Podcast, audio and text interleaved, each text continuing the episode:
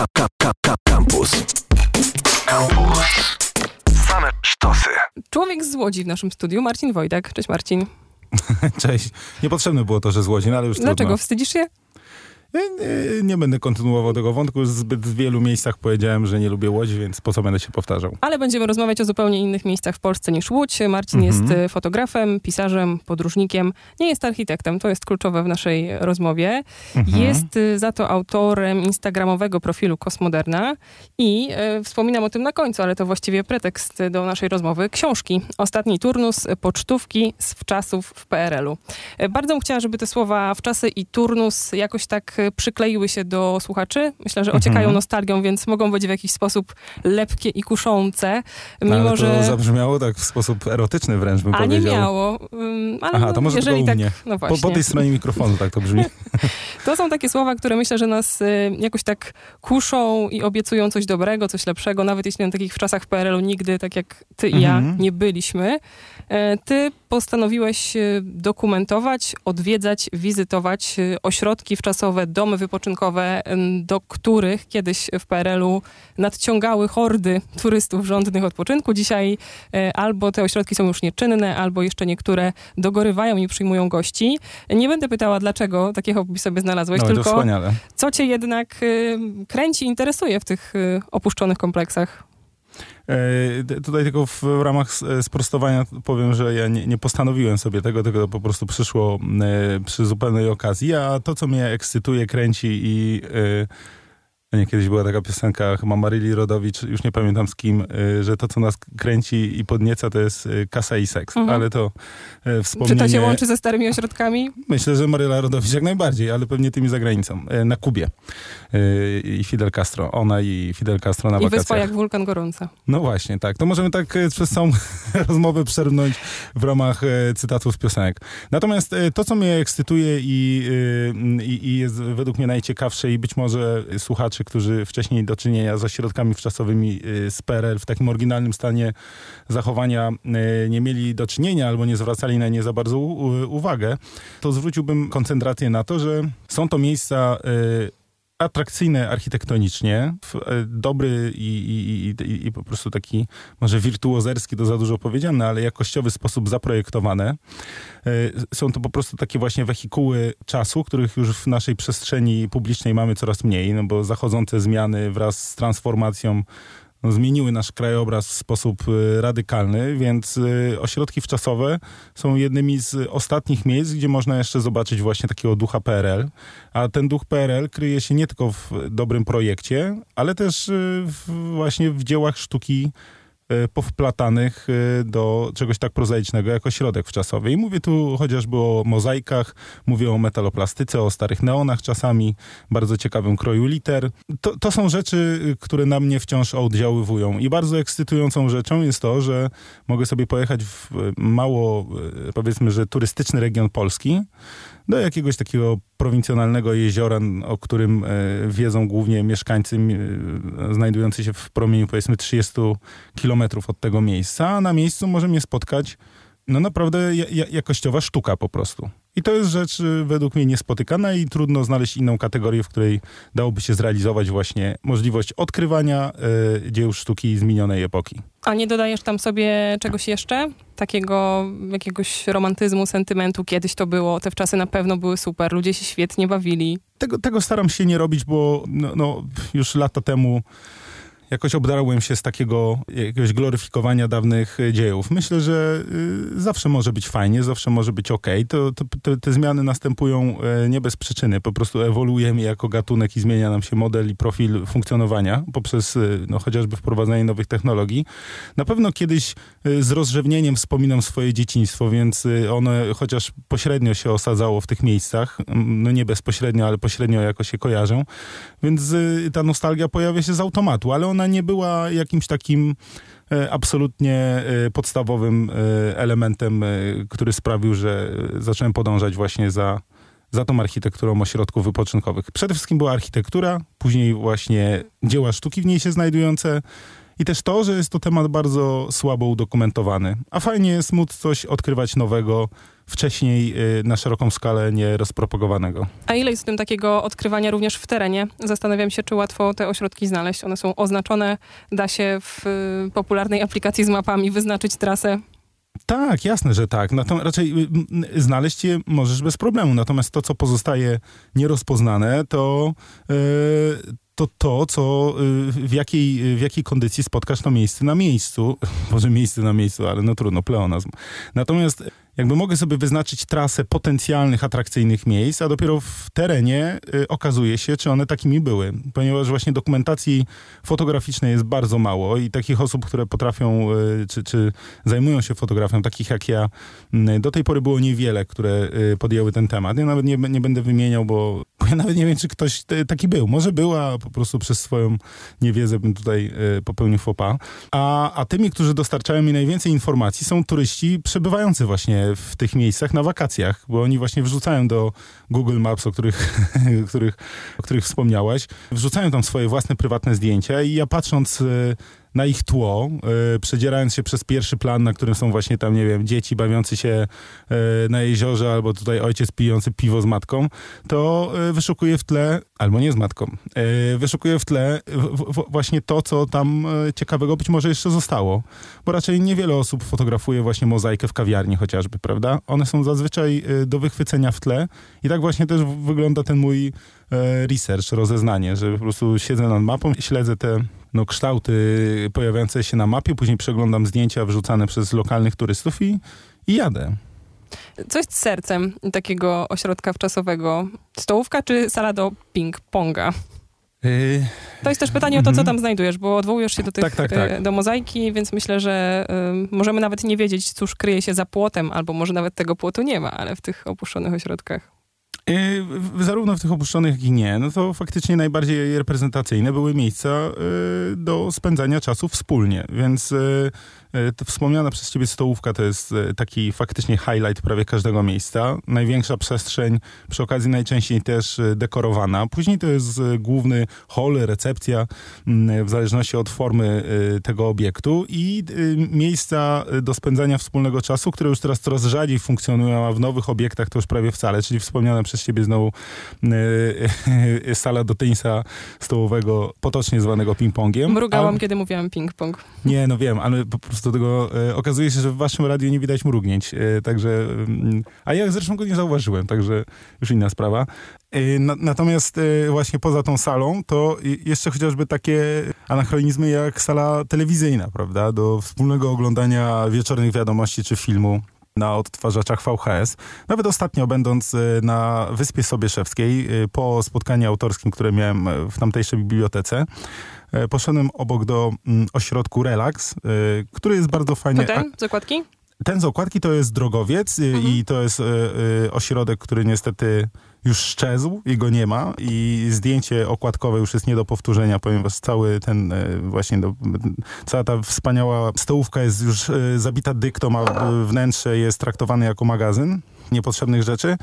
Także to nie ten ośrodek, y, y, relaks znajduje się kawałek dalej i tam też wciąż funkcjonuje właśnie sala telewizyjna. Co prawda już telewizor nie jest kineskopowy, a, y, a jakiś LCD, ale, ale wciąż można oglądać wspólnie telewizję. To jest no jakby no, rzeczą niespotykaną, no bo kto teraz, kto teraz w ogóle ogląda telewizję, to dopiero razem, prawda? A kto jeździ do takich ośrodków czasowych? To mogło być moje pytanie, ale myślę, że... A to y, no. no. możesz je zadać. No to odpowiadaj, bo widzę, że chcesz. Kogo spotkałeś w tym? Y, wiesz, wiesz, ludzie, którzy Gdańskim. jeżdżą, y, bo, bo to też właśnie... Y, w, w pewnych bańkach, w, jakich w jakich funkcjonujemy, może ten temat wydawać się po prostu zupełnym, e, zu- zupełną egzotyką i e, większą egzotyką od e, wyprawy na e, biegun północny na przykład, a okazuje się, że na takie e, wczasy e, do ośrodków e, właśnie wypoczynkowych, które fotografuję, tylko trochę w lepszym e, stanie, wciąż jeżdżą e, miliony Polaków. I, i, I to jest niezwykle popularna forma wypoczynku. Myślę, że gdyby, gdyby sumować wszystkich e, e, wyjeżdżających właśnie do ośrodków, do kwater prywatnych, nie wiem, kamperami, czy tam pod namiot, czy do hoteli, to jest podejrzewam, że najbardziej liczebna grupa turystów e, w Polsce. Tylko my po prostu, mieszkańcy dużych miast, tego za bardzo nie zauważamy, bo e, jest to ewidentnie ten, e, ten przedział niższego kosztu, niższego standardu i jest najczęściej to, no najwięcej ośrodków czasowych znajduje się na polskich pojezierzach, czyli powiedzmy, że w tych regionach kraju no, północno-wschodnich i zachodnich. Y, y, później dopiero wybrzeże, y, więc podejrzewam, że jakby to jest taka turystyka trochę nie, nie, niewidziana z perspektywy miast wojewódzkich i dużego miasta. Tak zakładam. Stąd może ten temat wydawać się egzotyczny właśnie, kiedy my teraz rozmawiamy, ale gdybym rozmawiał w tym momencie w radiu Puławy na przykład, to by się okazało, że Moja książka jest traktowana jako jakiś bardziej taki, jako drukowany booking.com, no. Myślisz, że trafiasz czasami na ostatnie turnusy? Patrzysz na tych ludzi i myślisz, że państwo tu już pewnie więcej nie przyjadą. Bo Podobnie jak nikt inny. Nie, bo ośrodek zamknął. Szkoda. E, I takie, i takie formuły widzę. Tak, jasne. No, to, to, to, jest, to jest przerażająca sprawa i znaczy przerażająca mnie sprawa i tym bardziej mnie dopingująca do intensyfikowania i nieustawaniu w podróżowaniu, ponieważ e, Wielokrotnie zdarzało się tak, że y, chcąc wrócić albo przejeżdżając y, powtórnie mm, obok y, jakiegoś ośrodka już widziałem, że jest albo zamknięty, albo zburzony, albo modernizowany. I na przykład jeden z ośrodków opisywanych w mojej książce, czyli ośrodek Kormoran nad jeziorem Pluszne, niedaleko Mierek. Bardzo fajny obiekt, kiedyś należący do aparatu państwowego, chyba MSW, e, później MSWiA, teraz nie wiem jak się to ministerstwo nawet nazywa. Ma taką bardzo ciekawą architekturę, właśnie duży e, kompleks hotelowy e, wraz z, takimi piętrowymi pawilonami. Mm, a ten główny budynek był wsparty na kilkunastu filarach, więc to naprawdę wyglądało jak statek kosmiczny po prostu znajdujący się w takim doku startowym gdzieś na, nie wiem, w, na Bajkonurze w Bajkonurze, y, jest teraz przebudowywany na y, kondo hotel i ta właśnie największa jego atrakcja, czyli główny obiekt wsparty na filarach jest zabudowywany i jego, jest tam dobudowywane są dodatkowe piętra, a pawilony zostały zburzone. A jak byłem, jak robiłem zdjęcia, które które, które umieściłem w książce, to byłem przekonany, że to jest jeden z tych obiektów, które będą z nami zawsze, no bo tutaj nie ma jakby zagrożenia, jego standard jest całkiem ok, stan też jest dobry, więc tutaj jest pełne bezpieczeństwo, prawda? Okazuje się, że nawet takie obiekty są z tej mojej perspektywy zagrożone. To ja ten wątek porzucam, ale łapię się słowa państwowy, bo pomyślałam sobie, że gdzieś pewnie napotykasz też na ośrodki czy domki luksusowe. Jak się ten mhm. luksus przejawia? To te mozaiki? W samym, e, w samym domku, e, czy tam e, pawilonie albo hotelu, to wewnątrz w tej przestrzeni wypoczynkowej, prywatnej, to to mozaik nie widziałem. Ale na przykład ten luksus przejawiał się w tym, że jak byłem w takim ośrodku wypoczynkowym, który się nazywał e, Barbara w Ustroniu Jaszowcu. No, on należał kiedyś do kombinatu jakiegoś e, e, wydobywczego, do kopalni po prostu. Już niestety nie pamiętam jakiej. To luksus przejawiał się tym, że najniższy pawilon z takich trzech rozłożonych tarasowo na zboczu góry, to mm, należał do tej, raczej był przeznaczony dla wyższej kadry kierowniczej i między innymi do dyrektora. I na przykład tak jak wszystkie pokoje miały określoną wielkość, to ten y, pokój dyrektora był trzy razy większy, miał osobną sypialnię, y, większą łazienkę, tam właśnie wannę zamiast y, takiego zwykłego natrysku. No i to są takie delikatne y, różnice. W ramach takiego standardowego ośrodka to, to te różnice w, w, standardzie nie są jakieś duże, a te najbardziej luksusowe ośrodki mimo wszystko y, najbardziej różniły, raczej najbardziej się różniły y, wykończeniem e, wnętrz tych przestrzeni wspólnych właśnie. Natomiast e, nawet, e, nawet jak oglądałem ośrodek wypoczynkowy w Łańsku, kiedy, który kiedyś był ośrodkiem rządowym, tam przyjeżdżał Gomułka, przyjeżdżał Gierek, Bierut, chyba nawet, bo, bo, bo on już powstał w latach 50. No więc był najbardziej, naj, naj, naj, najważniejszym ośrodkiem wczasowym w czasach PRL to i tak te wille znajdujące się tuż nad e, brzegiem jeziora, e, do, które były do dyspozycji właśnie tego najwyższego aparatu partyjnego, one jakoś nie, nie ociekały luksusem w takim naszym rozumieniu. Były, wiek, były, były, miały większą przestrzeń, miały właśnie prywatną łazienkę, może jakąś salę kominkową, ale to nie był, to nie był taki przeskok, że, e, że, że podejrzewam, no nie wiem, że ówczesny mieszkaniec mógłby tam przyjść i po prostu zobaczyć tak kolosalną różnicę jak teraz między na przykład y, kimś, kto mieszka w bloku z wielkiej płyty, a rezydencją, no nie wiem, no nieżyjącego już Kulczyka, czy tam właśnie Leszka Czarneckiego, prawda? to aż taki przeskok nie był paradoksalnie, ale, ale ten luksusowy sznyt i tak było widać. Jak te miejsca wyglądają dzisiaj jako opuszczone? Zmierzam do tego, czy ktoś wychodząc z nich po raz ostatni wiedział, że zamyka, że tak powiem, interes. Czy tam jeszcze da się znaleźć choćby, nie wiem, meble, ceramikę, wyposażenie, czy to już raczej puste ściany? A to ja tutaj tylko doprecyzuję, że w mojej książce są zarówno miejsca, które wciąż działają, jak i te, które były opuszczone, no bo jakby punktem e, wyjścia dla mnie nie był stan ich obecnego zachowania, raczej stan prawny powiedzmy, czy, czy to, czy one działają, czy nie, tylko jakość architektoniczna. E, powiedzmy, a w paru przypadkach jedynie e, sentymentalna, więc najczęściej jest e, mimo wszystko tak, że jeśli mm, budynek na fali jakichś, no nie wiem, niespodziewanych zdarzeń, a to na przykład bankructwa właściciela albo jakichś przekształceń własnościowych przestaje funkcjonować, to tam za bardzo nikt nie zakłada tego, że on właśnie y, za chwilę y, będzie wyłączony z użytku i umrze de facto. Więc y, wielokrotnie się tak zdarzało, że wewnątrz y, no, jakby znajdowałem, czy to popakowane y, wciąż w nowe opakowania, takie kubki ceramiczne, jak ten, który y, ty ze sobą dzisiaj tu przyniosłaś, czyli taki tradycyjny społemowski powiedzmy kubek.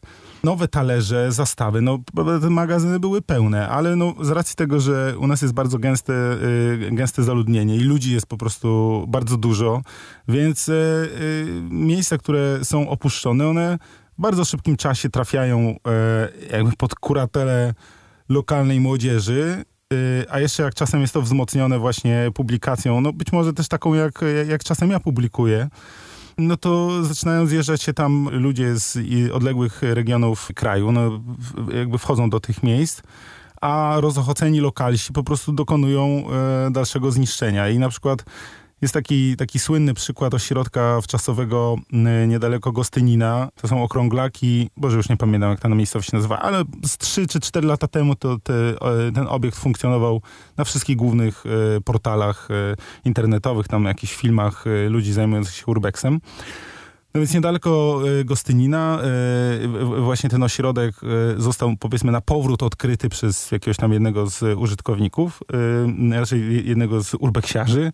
Ja tam pojechałem z jakimś gronem znajomych sobie go po prostu zobaczyć i sfotografować. Wtedy on powiedzmy właśnie był tak, nie wiem, dwa tygodnie po tym ponownym odkryciu i było niemalże całkowite wyposażenie, właśnie fotele, dywany, y, y, klucze do, do, do pokoi, wewnątrz kuchnia cała zostawa i tak dalej. No i w przeciągu powiedzmy pół roku, czy, czy, czy nawet, nawet mniej, ten obrócił się w ruinę, a po roku już był po prostu tak totalną ruiną, że teraz na przykład przyjeżdżając po tych trzech latach, jakbym go chciał odwiedzić, a nie chcę, to tam już są same gołe ściany, wszystkie szyby są wybite, a tam akurat z racji tej konstrukcji były takie wewnątrz, y, mm, na tym wewnętrznym dziedzińcu powiedzmy y, takich cylindrów, które właśnie stanowiły, y, takie cztery cylindry stanowiły właśnie ten kompleks wypoczynkowy, kilkupiętrowy, więc bardzo efektowny budynek. On był po całym obwodzie wewnętrznym swoim przeszklony, właśnie w tym e, takim świetliku, tak to nazwijmy. Natomiast tych szyb było tam, nie wiem, kilkaset i one wszystkie są wybite po prostu, więc to jest, to jest takie miaro, taka miarowa dewastacja, że nawet trudno sobie wyobrazić jakby jakby jaka energia musiała za tym niespożyta y, stać. No więc, y, więc ni niestety każdy obiekt prędzej czy później obróci się w ruinę. To jest tylko kwestia czasu. Może publikacja na Instagramie pomaga takim działaniom. To nie do końca, bo jakby ja, ja, już rozpoznałem proces, w jakim to następuje. Największym problemem to nie są ludzie, którzy na przykład mieszkają w Białymstoku i sobie pomyślą, że w Wałbrzychu to by tam mega chętnie rozpieprzyli jakiś ośrodek. I jadą teraz 600 kilometrów, czy tam 800, wydają pieniądze na paliwo, po drodze jakiś tam nocleg w namiocie czy coś i po tej 8-godzinnej drodze po prostu biorą kij i napieprzają we wszystkie okna.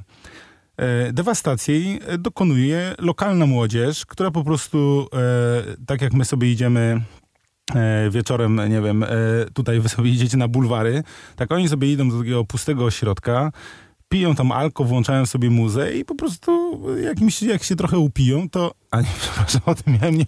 Alkohol to zło. Uważam, że jeden z najbardziej szkodliwych narkotyków zresztą uzależnia bardziej niż heroina.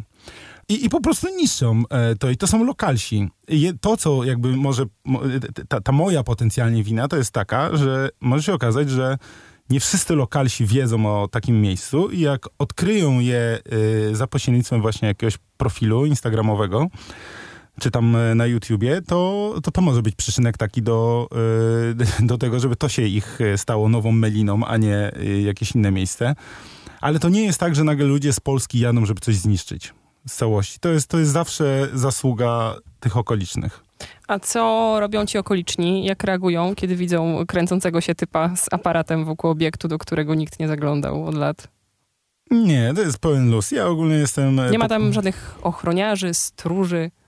No jakby instytucja ochroniarza i pana stróża to jest instytucja ludzi, którzy mają bardzo dużo czasu, a jednocześnie bardzo mało aktywności. I kiedy ja się tam pojawiam, y, a powiedzmy, że już mam jakieś zaplecze merytoryczne do rozmowy na tematy wszelakie, od tej chrzanionej prywatyzacji, która sprawiła, że ten zakład, w którym kiedyś pracowałem, już teraz nie działa i co ja muszę tutaj robić, po jakieś tam inne zupełnie y, tematy. Więc ja sobie najpierw y, robię small talk właśnie z takim panem albo panią, to już w zależności od y, sytuacji. I, i, I, ten small talk jest najczęściej najlepszą, y, najlepszym kluczem do otwarcia każdej furtki. E, nie ma żadnego problemu. Ja wręcz y, nawet wolę, jak ktoś na miejscu jest, niż go nie ma, no bo kiedy nikogo nie ma, a widzę, że jakiś budynek jest zamknięty, no to po prostu odpuszczam, no bo też nie jestem włamywaczem, prawda? I tego robić nie należy. Tak samo zresztą jak pić alkoholu, o którym chwilę temu wspomnieliśmy. Jesteś za to pisarzem, przynajmniej tak o sobie mówisz. Ta książka, poza tym, że niesie tą wartość architektoniczną, czy też historyczną, dokumentacyjną, to ma też swoją warstwę literacką. Mhm. Czy te historie się rodzą już w momencie momencie wizyt w tych miejscach, czy one przychodzą później, zdjęcia idą swoim torem, a teksty y, powstają w zupełnie innych okolicznościach niż chodzenie między domkami typu Brda?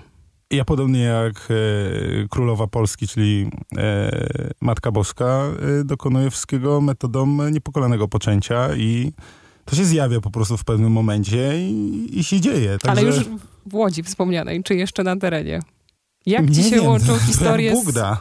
Nie, tak serio, tak serio mówiąc, e, chociaż oczywiście niepokalane poczęcie jest faktem, to yy, tak serio mówiąc, to yy, zdjęcie najczęściej po prostu mnie inspiruje do, yy, do, do wymyślania wokół niego historii. Nie zawsze to musi być historia w pełni wymyślona, no bo często jest tak, że właśnie powiedzmy, że obserwuję jakiś, e, jakiś obiekt, który, no właśnie, prezentuje sobą wysoką jakość architektoniczną, ale no niestety na fali przekształceń własnościowych albo ekonomicznych, czy tam politycznych, popada w ruinę i później obraca się e, w gruz. No i mogę wokół tego, e, mam wokół tego myśli, powiedzmy, krążące wokół tego, dlaczego dzieje się tak, że jakość architektoniczna nie jest na tyle dużym i istotnym walorem, że broni y, no właśnie te obiekty przed wyburzeniem chociażby, prawda?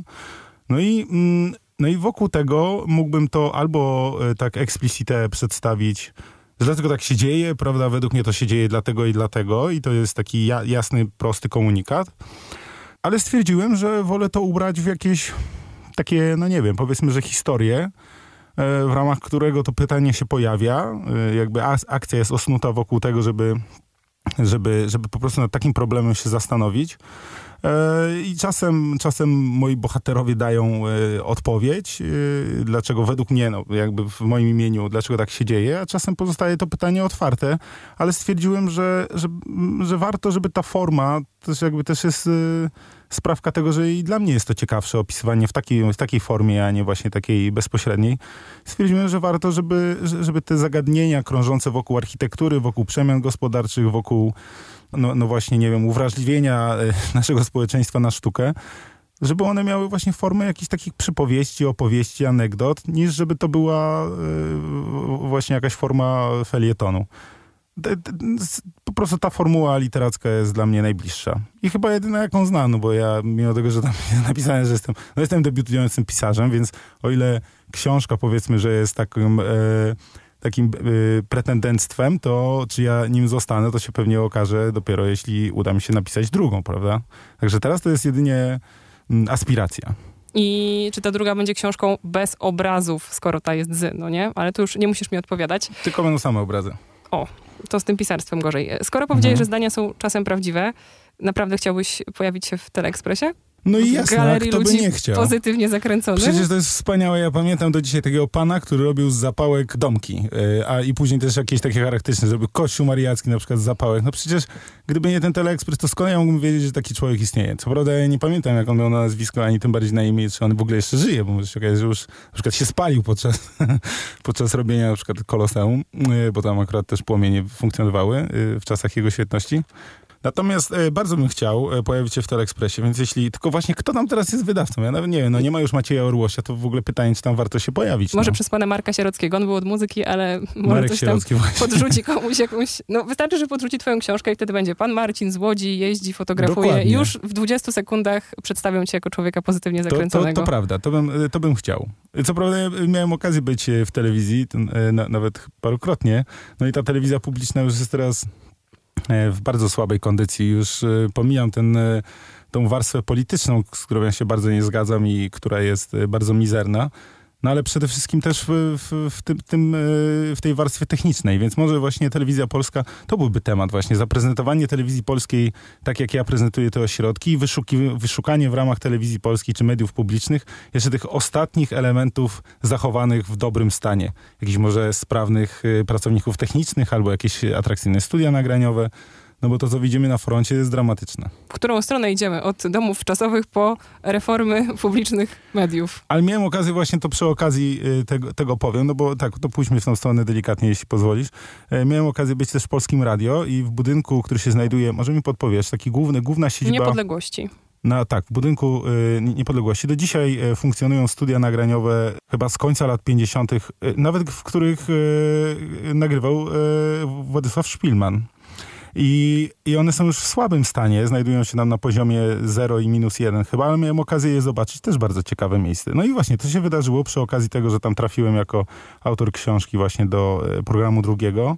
I to jest akurat chyba najciekawsza y, strona konsekwencja publikacji książki, że miałem właśnie okazję dzięki Wizyty temu w zakładach pracy. wizyty w zakładach pracy, y, w rozgłośniach radiowych studenckich. No, no to są jakby same plusy.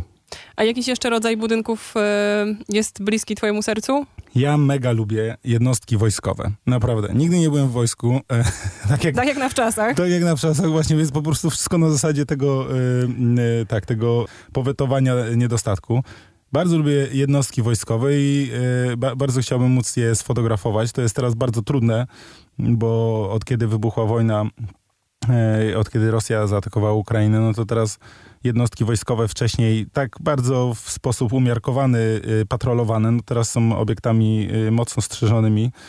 A szkoda, bo, bo tam też jest bardzo dużo pozostałości właśnie po Ludowym Wojsku Polskim, takich, e, nie wiem, jakieś właśnie stare insygnia, jakieś takie koszarowce w bardzo starym stylu. No, no jest tam też mnóstwo tego, tego właśnie PRL-u, no ale teraz on jest niezwykle trudno dostępny, więc, e, więc tak. No nie wiem, czy to jest satysfakcjonujące cię odpowiedź, no bo interesujesz się jednostkami wojskowymi, powiedz. Czy kiedyś byłaś w Nie. ogóle w jednej? Nie byłam, ale ładnymi budynkami owszem. Więc jeżeli okaże się, że one są finalnie estetyczne, no to myślę, że No jakimi oglądałabym. właśnie, powiedz, to jak, jakie tobie się podobają budynki takie, z, y, y, wiesz, jakaś grupa budynków, żeby to, to był, wiesz, kategoria, bo może mnie na przykład to zainspiruje, widzisz, wchodzę tutaj zupełnie bez pomysłu, wychodzę z pomysłem i Ja myślę dużo o architekturze kolejowej, o dworcach. No One super. są paskudne, brzydkie, śmierdzące i obazgrane, ale czasami tam się da znaleźć coś fajnego. Tak, masz rację, dworce kolejowe to jest kapitalna sprawa, ale właśnie tutaj podobnie e, jak i z ośrodkami, to no, po, po, po 89 roku masa linii kolejowych została zlikwidowana i cała ta infrastruktura też e, no, mega podupadła.